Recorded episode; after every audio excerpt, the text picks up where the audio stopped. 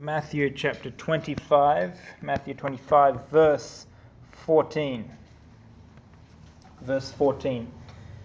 For the kingdom of heaven is as a man traveling into a far country, who called his own servants and delivered unto them his goods. And unto one he gave five talents, to another two, and to another one to every man according to his several ability. And straightway took his journey.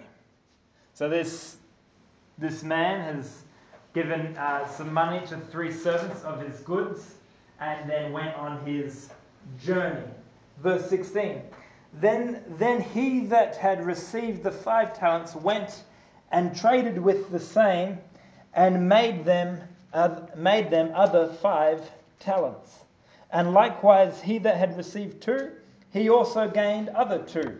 But he that had received one went and digged in the earth and hid his Lord's money. Kind of like putting in a money market account in your bank account. Doesn't do you any interest, right? Verse, uh, verse 19. After a long time, the Lord of, the, of those servants cometh and, and reckoneth with them. And so he that had received five talents came and, and brought other five talents, saying, Lord, thou deliverest unto me five talents. Behold, I have given, given beside, beside them five talents more. His Lord said unto him, Well done, thou good and faithful servant. Thou hast been faithful over a few things. I will make thee ruler over many things. Enter thou in, enter thou into the joy of thy Lord.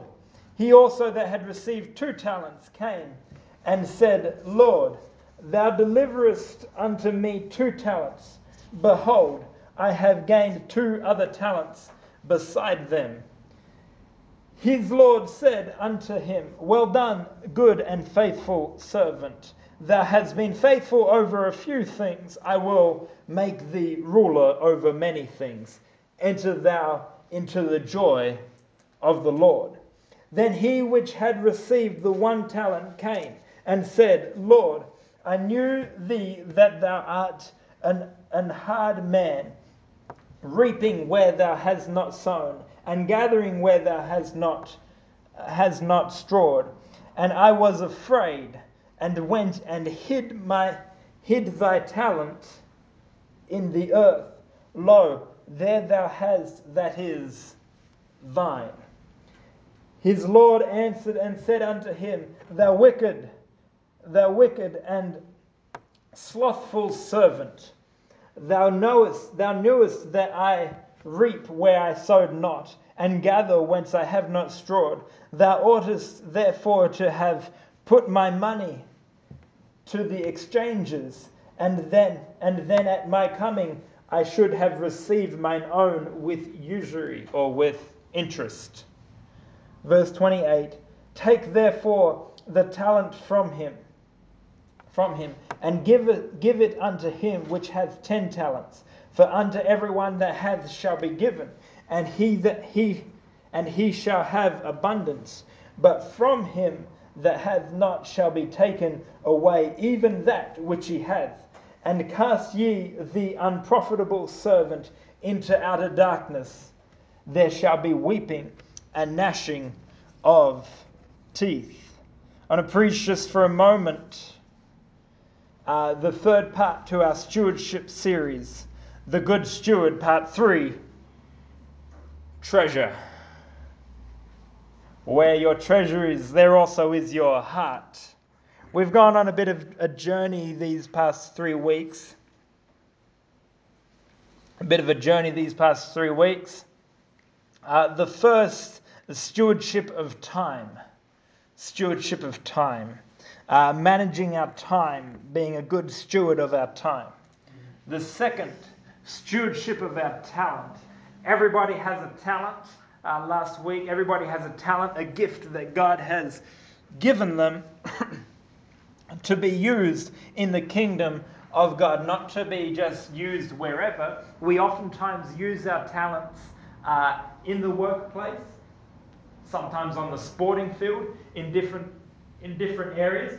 But those talents have a core thing, a core ability that is in there that God has designed to be used in the kingdom of God. That's why God gave you that talent, that gifting, that ability. And then today, our treasure. Our treasure. Money is an interesting topic. Money is a tough topic to talk about. People get all kinds of ideas and thoughts about money, especially when nowadays when you talk about money in churches. But I'll let you know something the church doesn't stay open without money. in case you're wondering, it doesn't stay running. We have, we have electric bills, we have different bills that we have to pay. But have all sorts of ideas. So much so when, when Malachi talked on money in the Old Testament, it went silent for 400 years. That's my joke. You know, between the Old Testament and the New Testament, the 400 years of silence. Malachi is the last book in the Old Testament. Uh, and it went silent for 400 years after he talked on money. And so, uh, if you all don't come back next week, I'll know why. Hopefully, it doesn't go silent for 400 years, but there, there we go. So, stewardship. Stewardship, we've gone over uh, what stewardship is. It's managing somebody else's stuff. Uh, in, and we've gone, we've kind of, everyone knows uh, what stewardship is. But a quick recap it's not yours, it, it belongs to someone else. If you're a steward, uh, it belongs to someone else. This, in Matthew chapter 25, this master, this ruler, uh, shared, uh, not loaned, not gave, but distributed his wealth to the servants um, while he was away to manage for him, right? To manage for him, uh, to make money. If we as a gym don't make money, the owners from Kuala Lumpur come over and wonder why. And they want to know why we're not making money. We are in the we are we're in the business. The gym is in the business of making money, and so the owner's away. He comes back. The guy with five, we'll just say coins, makes another five. He does some trading, some smart deals, and makes another five. Right? Uh, the guy with two, he, he does some smart trading and some stuff, another. The guy with one gets all nervous and scared, buries his in the ground, and says, Here you go, here's your money back. And hasn't, hasn't made anything, hasn't even put it in the banks to make interest uh, hasn't, hasn't done anything with it. And uh, notice at the beginning of the parable there, the, the master says, that Jesus is saying there, that each is given to his several ability. Right? When God says he will not give you more than you can bear, he's not, also, he's not just referring to hardships. Sometimes a blessing can turn you off, off God and down the wrong path. So yeah, God won't give you more than you can bear. You may not be able to bear a few million dollars. You may not be able to handle it. Uh, and if you can't handle it, God won't give it to you. God won't, God won't give it to you. But if you're faithful with a little bit, God says, okay, well, here's a bit more. Here's a bit more. You know, faithful a little bit, God will give you a bit more. So, stewardship and money. I need two volunteers. I need two volunteers. Nanda, come on up. Come on, down to the prices right. No, I'm joking. and one more, one more, one more, one more. Uh, there you go. There we go. Okay. If you guys want to stand over here, thank you. Um, switch places. Sorry. Nanda Nanda is going to represent you and I, okay? And Peter, he's going to represent the banker. Okay? He's, he looks like a banker, he's looking sharp today. He's going to represent the banker, okay? Now, unlike the $20 which I gave away the other service um, a couple months ago, You can't take this, okay? Oh. this illustration is coming right back to Nate in his pocket afterwards. right. This is $500. Okay? Five real hundred dollars, okay? I'm going to give this to you. you I'm watching okay? Now, Nanda, she's, she's worked hard in her gap year before going to university. She's worked hard to save this $500, okay? And this $500 is, is dedicated to, uh, to, buying, to buying a fridge and maybe a couple other things for her apartment in university, right? And she thinks, okay, well, I, before, I should, before I go, I should open a bank account. Okay? So she takes her money. Sorry, you didn't get to hold long. You can give it to, give it to the banker. Okay? And so the banker now is holding the money for Nanda. But it's not the bank's money. Okay? It's, it's Nanda's money. But, it, but the bank has it for Nanda. Okay? The bank has it for Nanda. And so Nanda's like, okay, it's got my money in the bank, doing good, doing good. And then, uh, and then she gets to where she's going to college and, and get, finds a little place and she finds a fridge for, uh, for $200 and she finds a desk for uh, 200 and a chair for 100 okay? And so she's like, okay, now I need to go get my $500 out, right? To, no, you don't get it yet to, to get the money, right? And now, and now she, she goes down to the bank when there used to be tellers before we did everything like electronically, and you actually had to go to the bank to get your money out, right? So she goes down to the bank to get her money out. Go to the bank, okay? And you don't give the money back yet, okay? Um, now, they're, they're having their meeting, and she, she goes up to the teller, and you, as, as, as she's walking up to the teller, you just see uh, the teller's eyes and face just go like this, and the color begins to drain out of her face. And, and she turn, the teller turns pure white, and, and, and Nanda's like, "Hi, I'm Nanda. I just need to withdraw some money, and uh, $500 I put in, you know, six months ago with you guys." And uh, uh, the teller's like, "Oh, just take a seat. You, you need to see the manager." And Peter's the manager. So they go into the office. Uh, manager's like, oh, came to and like the manager's like, oh, I, I don't know how to tell you this, but uh, well, you see, we, my wife needed a new cabinet, and so we, we used your money. We spent your money on uh, uh, to to get this cabinet. I don't know about you, but I'd be like, I'd, I'd be throwing fit. I'd be like, that's my money.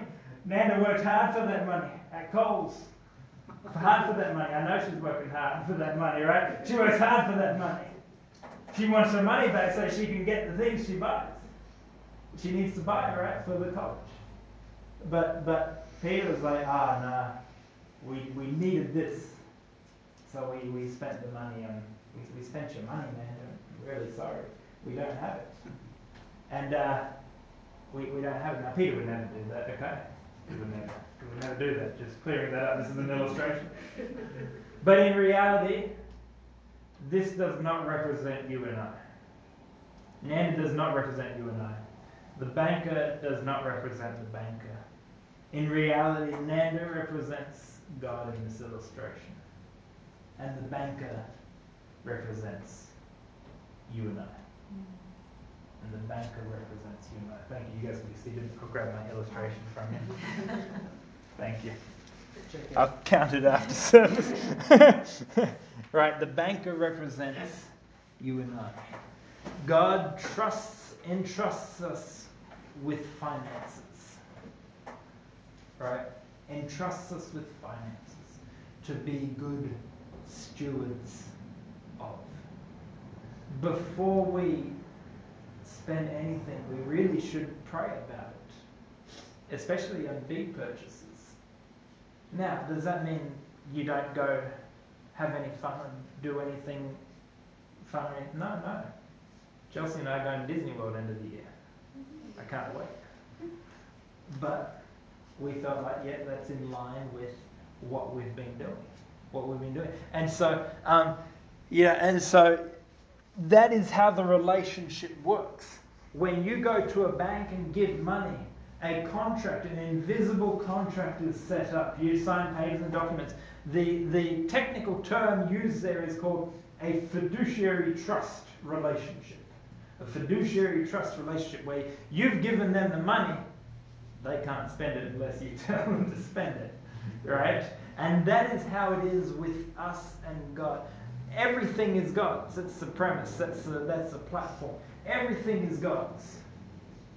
Everything belongs to God. He owns the, uh, the camels on a thousand hills and the hills that they're on. Okay? He owns it all. Everything, the earth and the fullness thereof, is God's. But God has blessed us with finances, with things, so that we can manage it and be good stewards of it. Be good stewards of it. So that is that's that's the first thing we need to understand that everything is God's when it comes to money.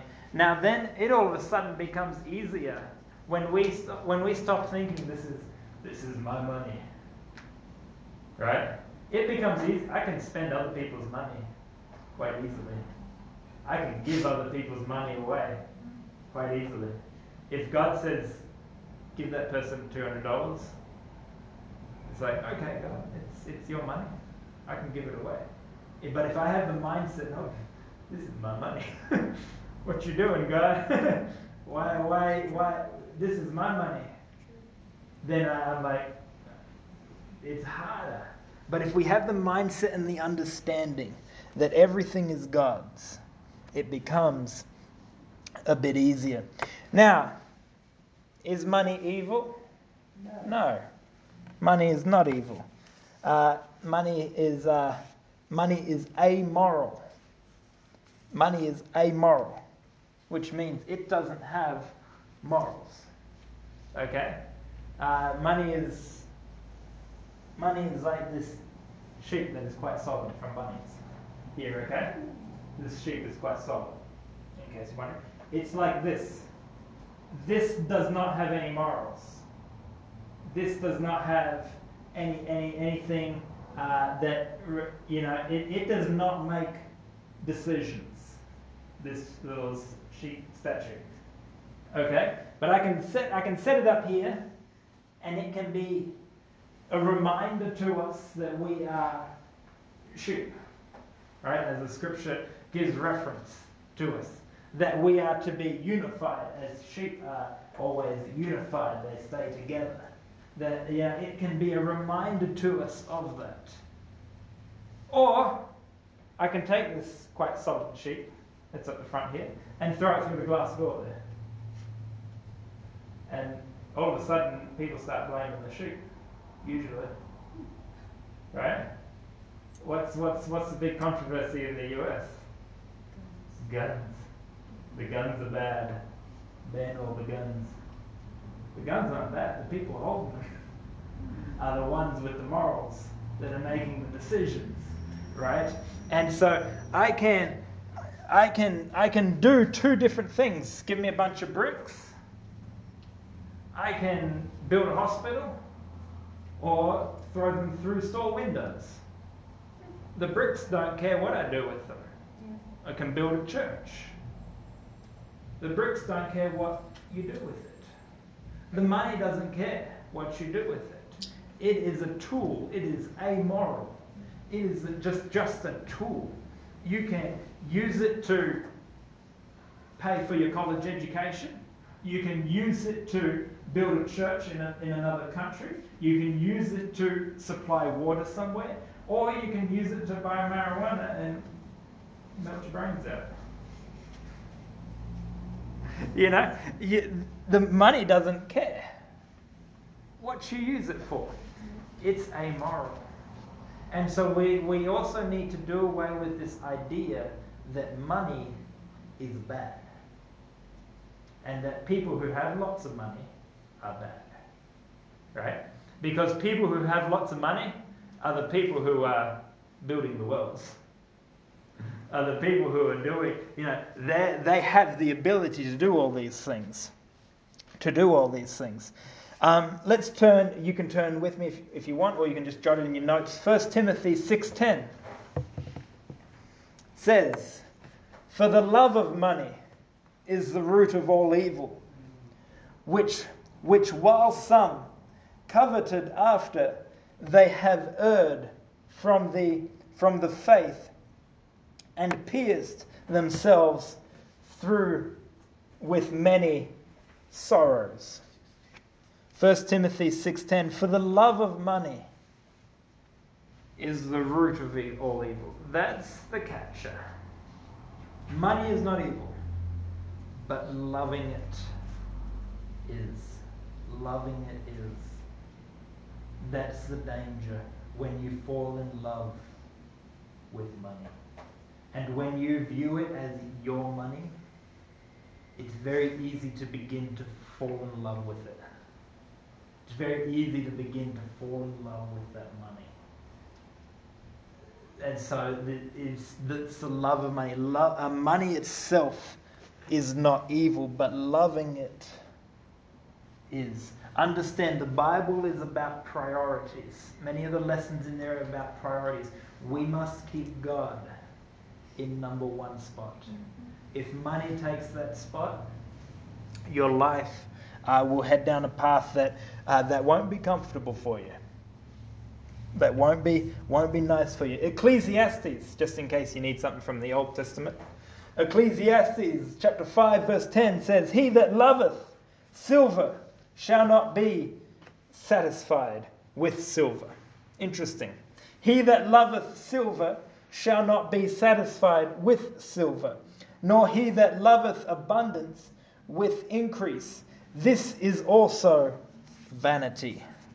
So basically, the Ecclesiastes says that if you love money, if you love silver, abundance, it doesn't matter how much you have, it will never be enough.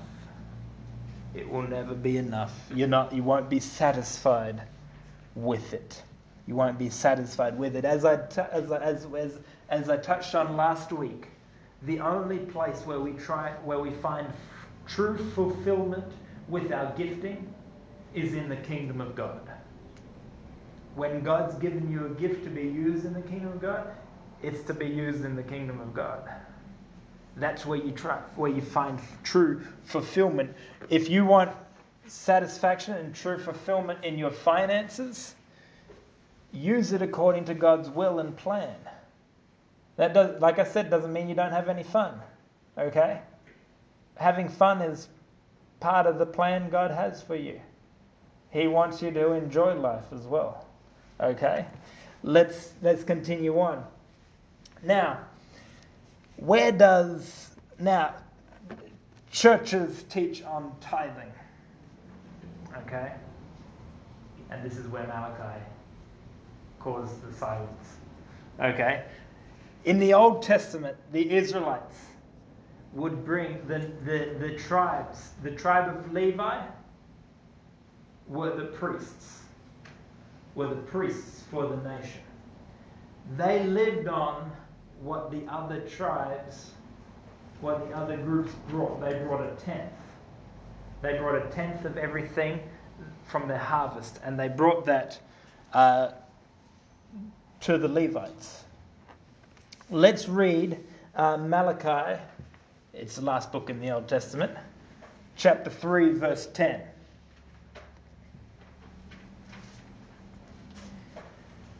Bring ye all, bring ye all the tithes into the storehouse, that there may be meat in mine house, and prove me now herewith and prove me now herewith. Listen to this. Saith the Lord of hosts, if I will not open you the, the windows of heaven and pour you out a blessing, that there shall not be room enough to receive it. That there shall not be room enough to receive it. God's saying here, bring a tithe. Now, a tithe is 10%. That's literally what it means. It, it's not a made up number that churches make up. It's it's ten percent.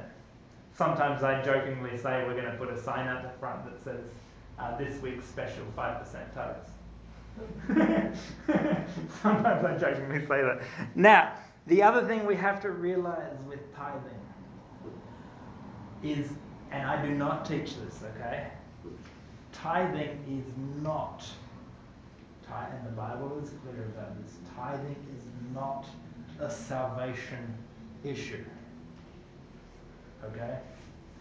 It is not a salvation issue. God loves you whether you tithe or not. Okay? God loves you. He loves you. That's no, that's not going to change. That will that will never change. Okay? God loves you. Okay? Um, but tithing does release the blessings of God in your life. It releases the blessings of God in your life. But God's math doesn't look like our math. Here's how, here's how we do math, okay? We look in the bank account, we bust out a calculator, add the bank account, we do all the expenses coming up, and then we're like, yeah, I can't give that much. and tithing's at the bottom, right? God turns that upside down, puts tithing at the top, and then we figure out how to live with what's left, right? The 90%. But God's math isn't like our math. God's God will bless. God blesses, and the Scripture says, "Just try me and see. Just test it out. Just test it out. You test it out for for a month or two, and just see what God does. Okay, just see what God does. Um, I'll give you a few personal examples. A few personal examples. When I was 21, I got it with a debt from um, from the government for $17,000. Okay, I'm not going to go into the full story. That was on a Thursday. I got called up, found out about it. I got called and found out about it Boxing Day. It was a wonderful New Year's, right? Um, got found out about it, and that was on a Boxing Day. And then Thursday in the January, they sent the official letter. I received it. They said you can appeal it. They said we recommend you appeal it. And I just thought, well, my parents are in town. I was in the US at the time. My parents are in town. I'm not going to stress out about it right now. I'm just going to set it aside deal with it next week. Well, I didn't get to it Monday. Tuesday rolled around and I got another call back saying, hey, uh, your file went over someone's desk and uh, they said it was unfair to judge something this way. We've waived the debt. So the 17,000 has been cleared. You owe nothing we're actually going to send you a bit of money while you're in the US every fortnight. God blesses people that are faithful. Right? People that are faithful.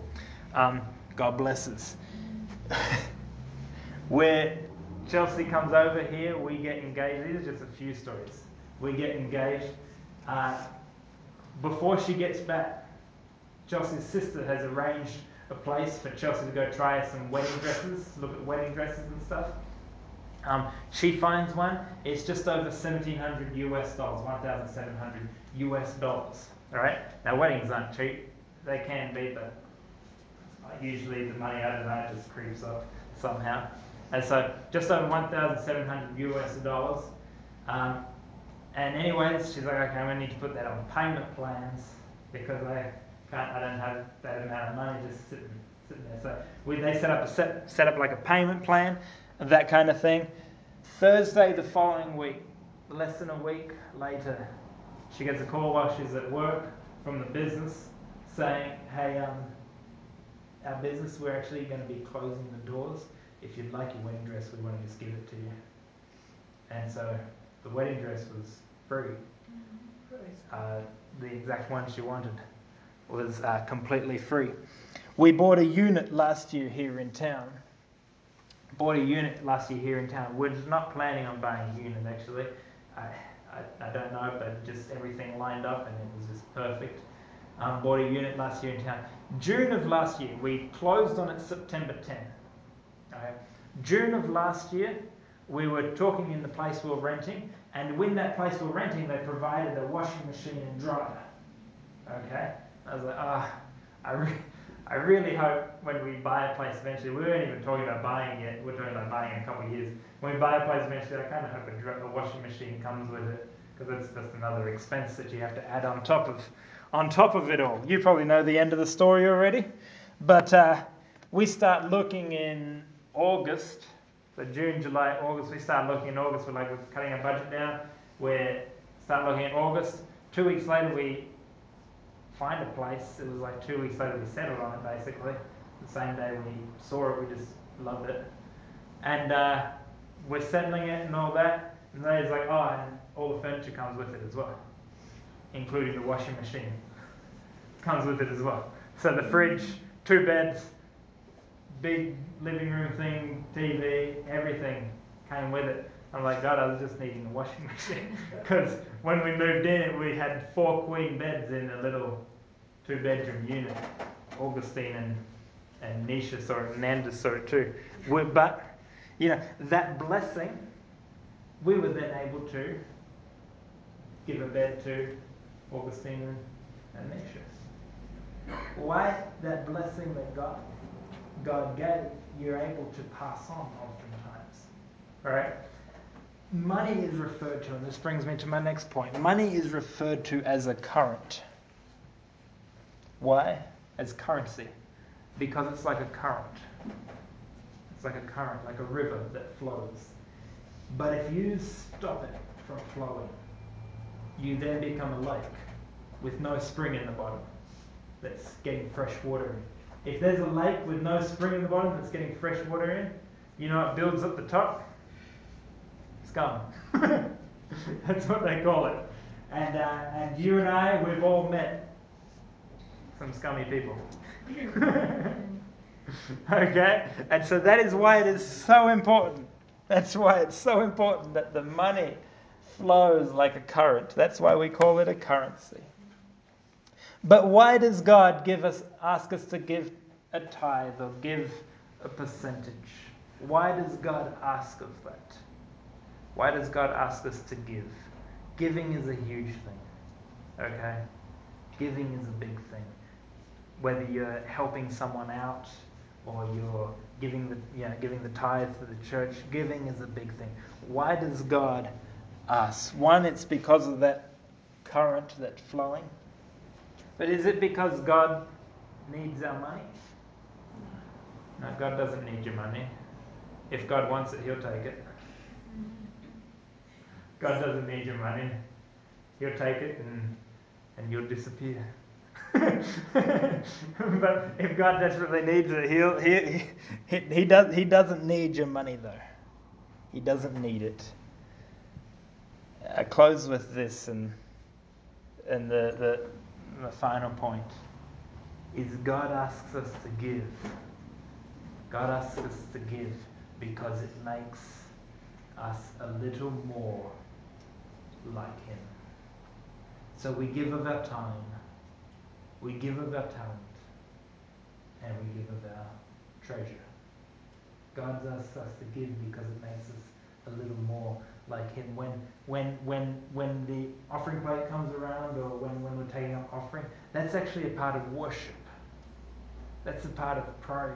And when we when we give of the offering when we give of our finances and specifically speaking of money when we give of our money it helps us remember it's not mine. It's god's i'm just managing it for it whether it's giving here or whether you're helping someone out, whatever it may be, when we give of it, God asks us to give because it makes us, it makes me a better person. It makes me a better person. And giving is a crucial part of building wealth. And all through Scripture, you'll see a thread where God gave, where God gave. This is why this is why it is important. This is why beginning of the year we ran a nine-week financial peace university course. This is why next year we will run it again. Uh, it's all bit, all, all on based on the Bible. Giving is important. John 3:16. For God so loved the world his only begotten Son. God's a giver. And if we're going to be Christ like, we're going to be givers too. God's a giver, and if we're going to be Christ like, we're going to be givers too. And uh, I would quote Malachi again test God and see what happens. Try, just try and outgive God. Just try. Just try. You may not see all of a sudden, you know, you may not give an offering and then all of a sudden wake up Monday morning, look at that. God put $2,000 into my bank account. But I can promise you, you may be wanting to buy something all of a sudden there's, there's a deal like you've never seen before. You may be wanting something all of a sudden there's something. God's math is not like our math. And so I'll, I'll finish with this. The Bible doesn't teach against wealth. This is why the series that we do is nine weeks, and because there's so much to do it. It doesn't teach against wealth and building wealth. I believe you should build wealth. Okay? It doesn't it does teach against falling in love with money. Okay? But the scripture teaches that there are three things that you do with money. One is save it, one is spend it, and one is give it. Now, all of us are stronger in one or two of those areas. Okay? Some will be really strong at giving that they'll give so much that they don't take care of themselves. Some are strong in saving that they're what we call a cheapskate. strong in saving. And, and some are strong, are strong in spending and they just spend way too much and get in credit card trouble and debt and all that. Okay? Um, so, but we need to be strong in all these areas. We need to be strong in all these areas and balance it all out. And you will, when you are strong in all three areas, you will find fulfillment and satisfaction. As Ecclesiastes says, if you if you love silver, you can't be satisfied with more silver. But if you follow these three things, you will find satisfaction in the area that a lot of us have zero satisfaction with. We're all, at some point in our life, we have all been stressed out about money, stressed out about finances. But if we balance in these three areas, you'll find that you have a new peace and new satisfaction with your finances. Let's stand together this morning.